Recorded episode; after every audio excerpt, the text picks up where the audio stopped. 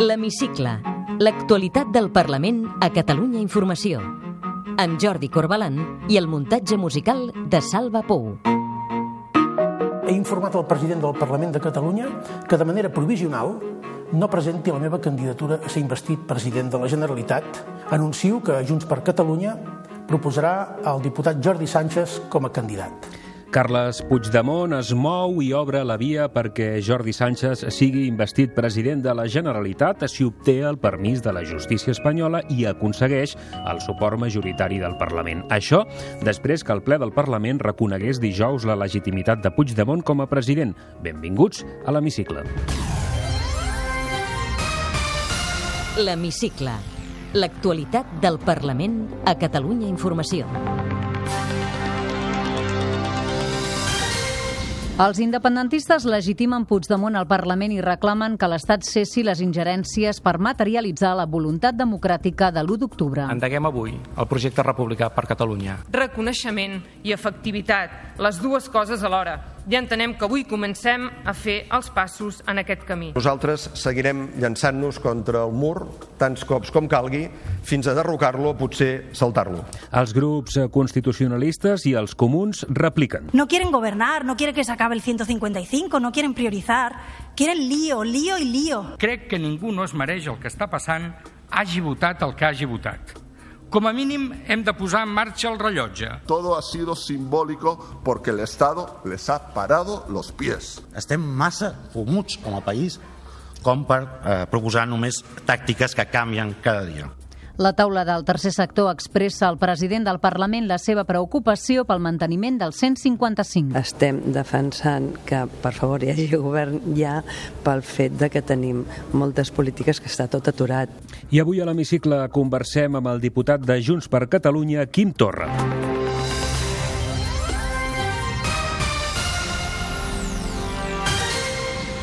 Carles Puigdemont fa un pas per intentar desbloquejar la investidura des de Brussel·les i proposa com a candidat al número 2 de Junts per Catalunya l'expresident de l'ANC, Jordi Sánchez, empresonat a la presó madrilenya de Soto del Real. Puigdemont ho va anunciar aquest dijous en un missatge a través de les xarxes socials unes hores després que el Parlament l'hagués legitimat com a president.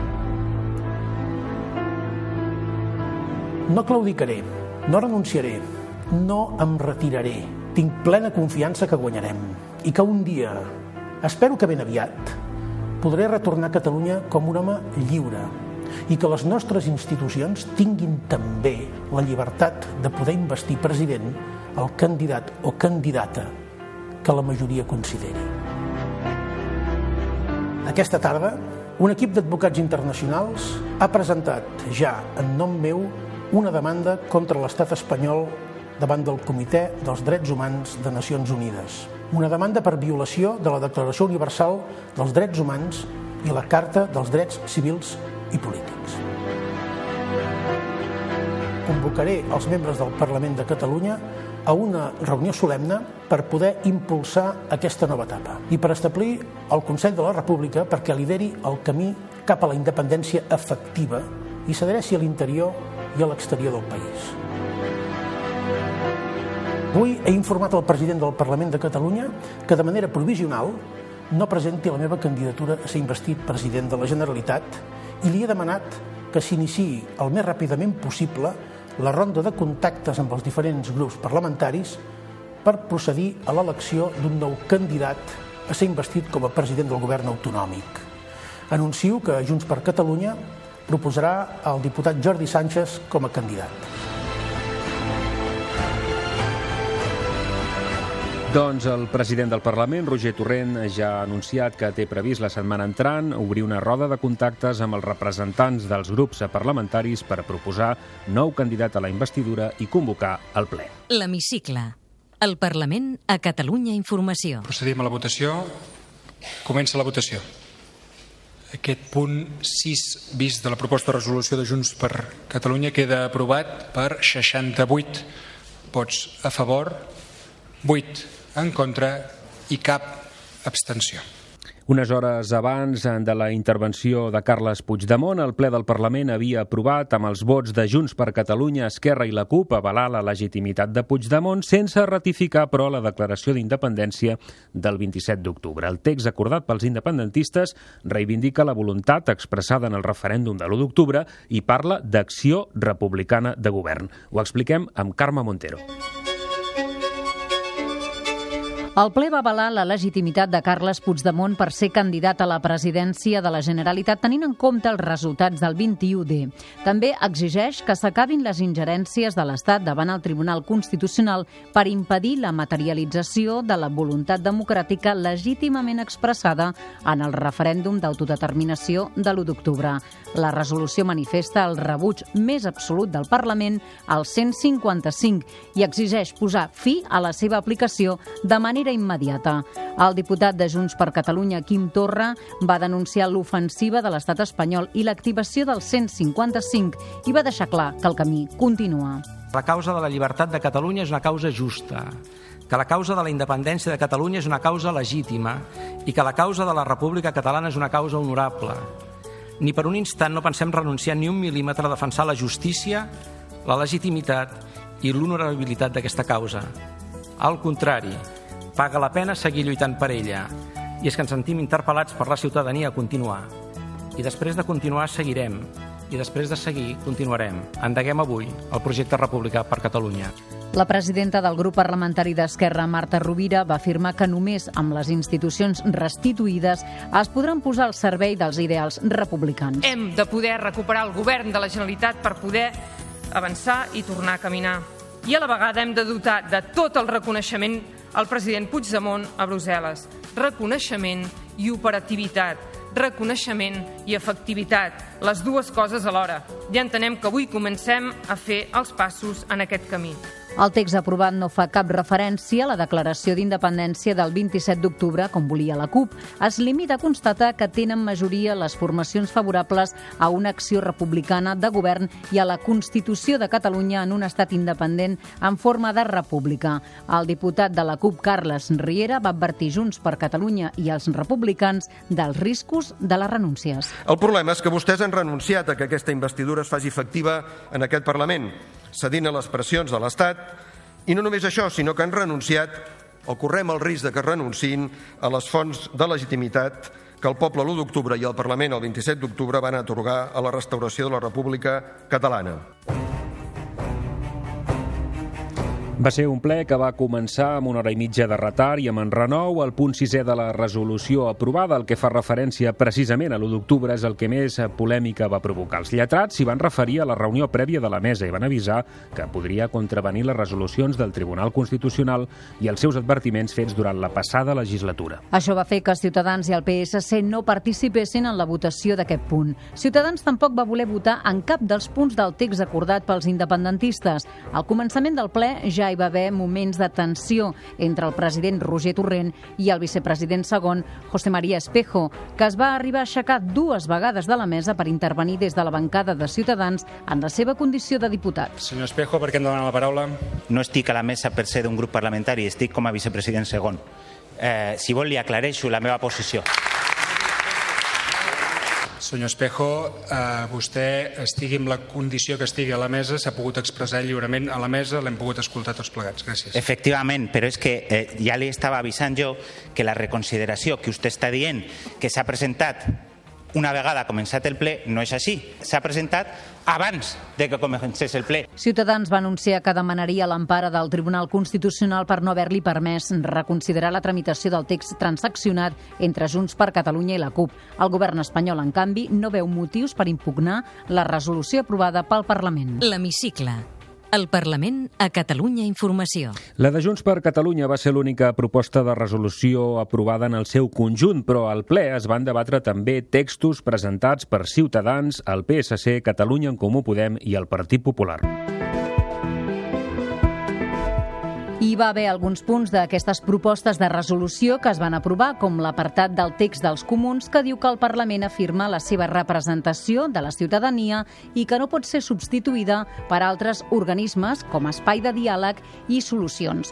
Es va interpretar com un toc d'atenció a les funcions que se li podrien voler atorgar a l'estructura de Brussel·les. De fet, Esquerra hi va donar suport i Junts per Catalunya es va abstenir. El ple també va aprovar a proposta dels comuns que no es destinin diners públics públics a les escoles que segreguen per sexe alhora que refermava la defensa de model d'escola en català. Es va aprovar amb el vot en contra de Ciutadans i el Partit Popular i l'abstenció del diputat del grup socialista Units per Avançar, Ramon Espadaler. El ple no va aprovar cap dels punts rellevants que presentaven els grups constitucionalistes, que tenien com a comú denominador la intenció d'activar el rellotge dels dos mesos perquè s'investeixi president o es convoquin eleccions. La líder de Ciutadans, Inés Arrimadas, va celebrar que el procés hagi despertat a tot l'Estat un patriotisme civil. No solo Cataluña ha despertado, España, el conjunto de España ha despertado y se ha vuelto a despertar un sentimiento de patriotismo civil normal, como en el resto de países de la Unión Europea. Y eso lo han hecho ustedes mal que les pese. Por eso sí que le tenemos que dar las gracias, por despertar a Cataluña y despertar el sentimiento de patriotismo cívico español. Miquel Iceta, del grup dels Socialistes Units per Avançar, lamentava que no s'hagi activat el rellotge per la convocatòria automàtica d'eleccions. Per Iceta no té cap mena de sentit que els independentistes continuïn insistint en el mateix camí. Hem hagut aquestes setmanes de combatre la peregrina idea d'una investidura a distància o per delegació i també la broma d'un govern telemàtic.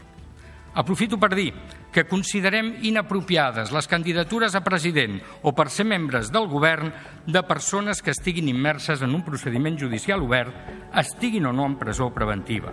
Des de Catalunya en Comú Podem, Xavier Domènech va reivindicar la necessitat d'acabar amb l'actual bloqueig i va criticar l'actitud dels independentistes. Recuperació de l'autogovern. Sí, recuperació de l'autogovern. Prou de menospreciar l'autogovern de Catalunya en aquests moments. Prou de menospreciar-lo. És una de les grans eines del nostre país. I veritats, veritats, veritats i veritats com mai. N'hi ha, ha prou de no dir les veritats. I el popular Xavier García Albiol va assegurar que la supressió del 155 i la recuperació de les institucions depèn només de l'actitud dels independentistes. Hace un año les advertía en esta sede parlamentaria que estaban poniendo en riesgo muchas cosas y entre ellas el autogobierno de Cataluña. Va a depender de ustedes exclusivamente, de esta mayoría parlamentaria, que las instituciones catalanas puedan volver a disfrutar de todo el autogobierno que nos permite esta democracia. L'Hemicicle. L'actualitat del Parlament a Catalunya Informació. Ja sabem el nom dels vuit senadors i senadores que aquesta legislatura representaran al Parlament al Senat espanyol. A partir d'ara, la cambra els haurà de validar i posteriorment seran elegits formalment pel ple. Ciutadans presenta la diputada Lorena Roldán com a nova senadora i Xavier Alegret que repeteix. Junts per Catalunya proposa la coordinadora general del PDeCAT Marta Pascal i Josep Lluís Claries, que repetirà com a portaveu a la cambra alta. Per Esquerra repetiran Mireia Cortés i Bernat Picornell. Tampoc hi haurà canvis en la representació del PSC. L'expresident José Montilla mantindrà l'escó al Senat i Sara Vilà continuarà com a senadora de Catalunya en Comú Podem. Recordem que la CUP i el Partit Popular no els pertoca representació i que, per tant, Xavier García Albiol deixarà de ser senador. En el termini de 15 dies s'haurà de reunir la Comissió de l'Estatut del diputat per validar la idoneïtat dels candidats. Després s'haurà de convocar un ple específic per elegir-los. Aquesta setmana al Parlament hi ha hagut més activitat. El president Roger Torrent rebia dilluns els representants de l'Associació Catalana pels Drets Civils, una entitat que agrupa els familiars dels investigats pel procés judicial contra l'independentisme, que són a Brussel·les, els empresonats i també els que ja són fora de la presó. A la reunió van acordar crear grups de treball per denunciar la vulneració dels drets humans o per explicar la feina dels polítics que són a Bèlgica. Sentirem Pol Leiva, nebot de Jordi Cuixart, i Alba Puig, filla de Lluís Puig. Intentar buscar eh, nexes comuns per intentar reconèixer també la figura no només del govern que entenem legítim, sinó del paper que té eh, la gent que està a l'exili. Com a associació eh, ens dona més fermesa de que encara s'ha de donar a conèixer la situació que estan vivint aquests represaliats i que queda molta feina per fer perquè no, no ens cansarem i s'ha de, de traspassar fronteres. L'hemicicle. La taula del tercer sector expressa al president del Parlament la seva preocupació pel manteniment del 155. Després de trobar-se amb el president Roger Torrent, la presidenta de l'entitat Francina Alzina ha reclamat la necessitat que hi hagi de seguida un govern per tirar endavant les polítiques socials. Necessitem que s'aixequi aquest 155 perquè, clar, les entitats tenen molts programes per portar a terme, però no podem presentar subvencions, o sigui, aquí ningú es pot comprometre perquè no hi ha els poders per poder-ho fer. I aquesta setmana al Parlament també s'ha parlat de la problemàtica de l'habitatge. El síndic de Greuges reclama solucions a la Sareb, l'entitat pública que es va quedar amb la majoria de pisos dels bancs rescatats. Rafael Ribó planteja en l'informe sobre l'habitatge que ha portat aquesta setmana al Parlament que almenys un 30% d'aquests pisos es destinin al lloguer social. El síndic creu que té tot el sentit si es té en compte que la banca es va salvar amb diners de tothom. És una contradicció flagrant que el mateix ciutadà que pateix el problema de l'habitatge hagi estat el ciutadà que hagi pagat amb els seus cabals aquell rescat. L'hemicicle. El Parlament a Catalunya Informació. Quim Torra, diputat del grup parlamentari de Junts per Catalunya, gràcies per acompanyar-nos avui a l'hemicicle en aquests dies tan transcendents. Gràcies a vosaltres.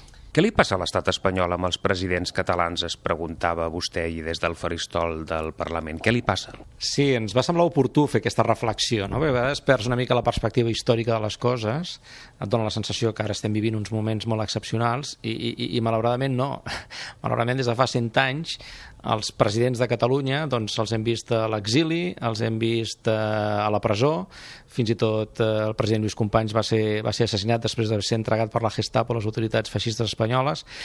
Ara tenim el president Mas doncs, eh, que va ser inhabilitat, es troba sotmès a una sèrie de causes, embargat, i en aquests moments tenim el president Puigdemont doncs, eh, a l'exili i, i el vicepresident del, del govern a la presó.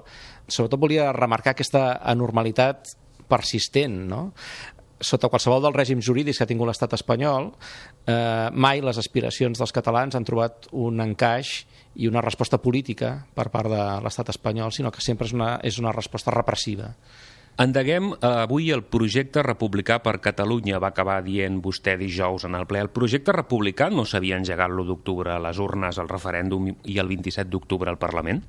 Sí, i així ho ha reconegut eh, també ahir, ho va reconèixer el president Puigdemont en, en la seva locució que va dirigir a la, a la ciutadania. No?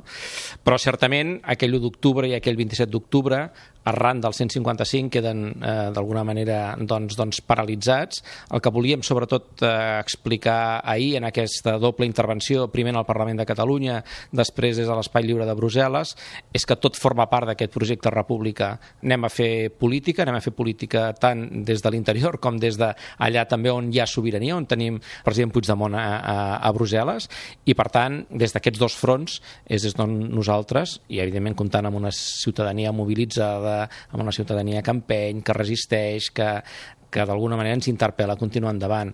Aquestes són les tres vies d'acció política que nosaltres plantegem eh, per aquesta legislatura. Puigdemont ha parlat de govern autonòmic. Un govern autonòmic pot construir república o és que des d'aquí es resignen a gestionar l'autonomia? Un govern de la Generalitat, i per tant, eh, des del punt de vista de la legislació estatal espanyola, doncs un govern autonòmic, certament pot fer república, pot actuar republicanament. Primer, amb una obediència republicana al president del Consell de la República a Brussel·les. Eh? Per tant, si aquesta obediència, com ahir, quan, com va fer el candidat que ara proposem, eh, Jordi Sánchez, acceptant el càrrec, doncs ho feia palès, si eh, estem fent política eh, des de tots els eh, espais, nosaltres entenem que sota aquesta obediència republicana i tant que es pot fer eh, república, no només des d'un punt de vista de l'observança dels valors republicans, que ja et porten una determinada manera d'actuar, per exemple, eh, lluitant contra la corrupció o posant l'accent en les polítiques que lluiten contra l'intent de fractura social de la població. Hi ha moltes maneres també d'actuar republicanament i de fer política republicana també a l'interior, però certament sense aquesta peça a Brussel·les eh, del president del Consell de la República, que d'alguna manera marca l'estratègia política que inter internacionalitza la causa dels catalans i que dona sentit al que estem fent també aquí eh, a l'interior, doncs potser no ens acabarien d'encaixar totes les peces. Eh, Jordi Sánchez és el candidat de consens de l'independentisme o és el candidat que proposa Carles Puigdemont i Junts per Catalunya? Nosaltres entenem que és el candidat de consens eh, de les forces majoritàries eh, del Parlament de Catalunya. Eh, en els acords entre Junts per Catalunya i Esquerra Republicana, l'inici de l'acord és l'inici de l'acord clàssic eh, que, que ja, ja ha passat en, en diverses ocasions, que és eh, la presidència del Parlament, d'alguna manera, és eh, per, per la força d'Esquerra Republicana la, la presidència de la Generalitat és per la força de Junts per Catalunya. Nosaltres, quan endeguem aquest, aquest projecte, i sense aquesta voluntat de, de plantejar una legislatura que sigui un pur retorn a, a l'autonomia. Nosaltres no hem vingut aquí a fer autonomisme, hem vingut a fer república des de tots els camps on podem treballar-hi. Mm, plantegem Jordi Sánchez, que em sembla un candidat idoni. Fins a on estan disposats a arribar en el pols amb l'estat espanyol perquè permeti la investidura de Jordi Sánchez aquí al Parlament? Eh, aquesta pregunta porta a la, a, la, reflexió més greu que en aquests moments penso que la societat catalana s'ha de fer, que estem gairebé tots eh, sotmesos a un marc mental que és el que l'Estat i el govern de Madrid està intentant imposar a la societat catalana, no? de que eh, d'alguna manera eh, és Madrid qui té el, la decisió sobre... Eh, Madrid, i em refereixo com a Madrid, tots els poders que d'alguna manera conformen el Madrid polític i, i judicial, perquè en aquests moments estan confosos. Ja no se sap on, on, on comença el Madrid judicial del Madrid polític. I d'alguna manera s'està creant com un clima de, de temor, una fórmula que han generat perfecta d'independentista igual a culpable, exactament ets culpable no, no, no, potser no, no ho arribaràs a saber mai, però d'alguna cosa ets culpable, perquè quan ets independentista immediatament ets culpable. No? I això, eh, en la manera ara de reaccionar de la societat catalana, penso que, que ho hem de combatre. Eh, Jordi Sánchez, com a diputat d'aquest Parlament de Catalunya, té tots els drets i tota la legitimitat de ser investit president. Per tant, nosaltres defensarem tots els seus drets i tota la seva legitimitat fins al final. Qui està cridat a formar part de l'espai lliure de Brussel·les? Ho dic perquè potser pot haver-hi el risc que aquesta estructura no acabi o es digui que no està representant el conjunt de la societat catalana. El president va ser clar i explícit, cridava a tots els diputats eh, del Parlament de Catalunya a, a acudir-hi, per tant, tothom, tots els electes han de sentir cridats a anar-hi. Mm, tothom ha de fer la seva reflexió, evidentment, de si eh, aquest camí que, al qual ens convoca el president, que és el camí de l'1 d'octubre i del 27 d'octubre, eh, és un camí que a ell o a ella li semblen el, el camí correcte però el president és, és explícit, convoco a tots els electes i a la, eh, que representen la voluntat popular de, del poble de Catalunya a Brussel·les. S'han de marcar terminis per fer el procés constituent, per culminar el projecte de Constitució de la República Catalana? Segurament s'han de marcar terminis, jo sóc partidari de marcar fites, si no tots aquests projectes corren el risc de quedar igualits o, o, o que el dia a dia acabi, acabi convertint-los, acabi d'alguna manera desnaturalitzant, perquè quan parlem de procés constituent estem parlant d'una cosa eh, molt seriosa, estem parlant d'un procés de, de país, d'un procés constituent vol dir que un procés que acaba amb un projecte de república catalana. De fet, si haguéssim continuat eh, el 27 d'octubre amb un 28 d'octubre en què la República Catalana proclamada doncs, s'hagués defensat i s'hagués implementat a, a, a Catalunya, estaríem fent també el procés constituent, val? que era el següent pas. Per tant, el, el, el país s'ha de dotar d'aquesta Constitució. Ara, en qualsevol cas, el país farà aquesta anàlisi, farà aquest debat, volem que es debati en tota la profunditat. Evidentment, si estem dient que estem fent acció política eh, a Brussel·les, a Catalunya, també Brussel·les i Catalunya han de participar d'aquest debat, això això sembla obvi, però és la ciutadania, en definitiva, la que eh, haurà d'explicitar eh, quin és aquest eh, país nou que albira, quin és aquest país millor que, que volem, i això ha d'acabar amb un projecte de Constitució catalana, que haurà de ser referendada pel poble. Estem parlant d'un termini raonable d'una legislatura de 4 anys? A nosaltres hem intentat marcar aquesta legislatura justament de la restitució a la Constitució perquè si només ens quedem en la restitució no és el nostre projecte. Nosaltres, insisteixo, eh, tenim l'ambició d'acabar eh, amb un procés constituent que això d'alguna manera s'acaba exemplificant amb un text, eh? amb un text, amb un projecte de Constitució.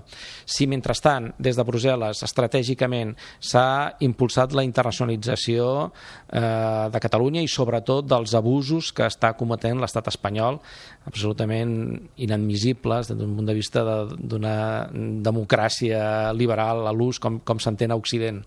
Eh, si, eh, mentrestant, la relació Brussel·les-Palau de la Generalitat és una, és una relació política eh? i per tant hi ha intercanvi, hi ha una estratègia a Brussel·les, hi ha una acció de govern eh, d'obediència republicana en el, en el govern de la Generalitat. Pensem que tot això eh, ens permet fins i tot ampliar els fronts. Quan algú parla de renúncia del president Puigdemont, sincerament jo penso que és tot el contrari. Ampliem fronts, mantenim l'embat. Ell ho ha dit molt clar. Escolta, no renuncio en absolut, segueixo, no em rendeixo. Eh, penso que aquestes paraules tenen un, un gran valor. Escolti, creu que els ciutadans que van donar suport o que estan donant suport a les opcions independentistes estan entenent que tinguin tantes dificultats per arribar a acords? Què els fa pensar que es podran entendre per governar i per tirar endavant tot això que està comentant eh, si ara aquests dies ja els costa tant arribar a punts de, comuns, a punts d'entesa? Uh -huh. Doncs eh, li he de confessar que tinc un sentiment força proper al de la ciutadania tal com vostè l'expressa. Nosaltres som diputats que acabem d'arribar en aquest Parlament i fins i tot nosaltres mateixos a vegades vegades ens costa d'entendre fins a quin punt en un moment d'urgència nacional i, de, i jo diria que d'emergència de país eh, a nosaltres mateixos ens, ens costa arribar a aquest acord. Després el vius el dia a dia i, i, i t'adones que, que potser les coses efectivament necessiten, necessiten aquests, aquests temps. Eh, en qualsevol cas haurem de fer autocrítica penso que s'ha d'acabar un, un, un cert paternalisme que hi ha versus la ciutadania i sobretot una, hem de ser molt més oberts, molt més transparents, que la ciutadania justament eh, en, en, entengui eh, el que li estic dient, que, que jo ho entenc perquè, perquè estic a dins, però em poso en la pell de ciutadà i estaria molt d'acord amb vostè. Quim Torra, diputat del grup parlamentari de Junts per Catalunya, gràcies per ser avui a l'hemicicle, gràcies per acompanyar-nos, que vagi bé. Moltes gràcies. Podeu tornar a escoltar l'Hemicicle al web catradio.cat barra hemicicle i seguir l'actualitat del Parlament a través del Twitter a arroba hemicicle i arroba cati-política.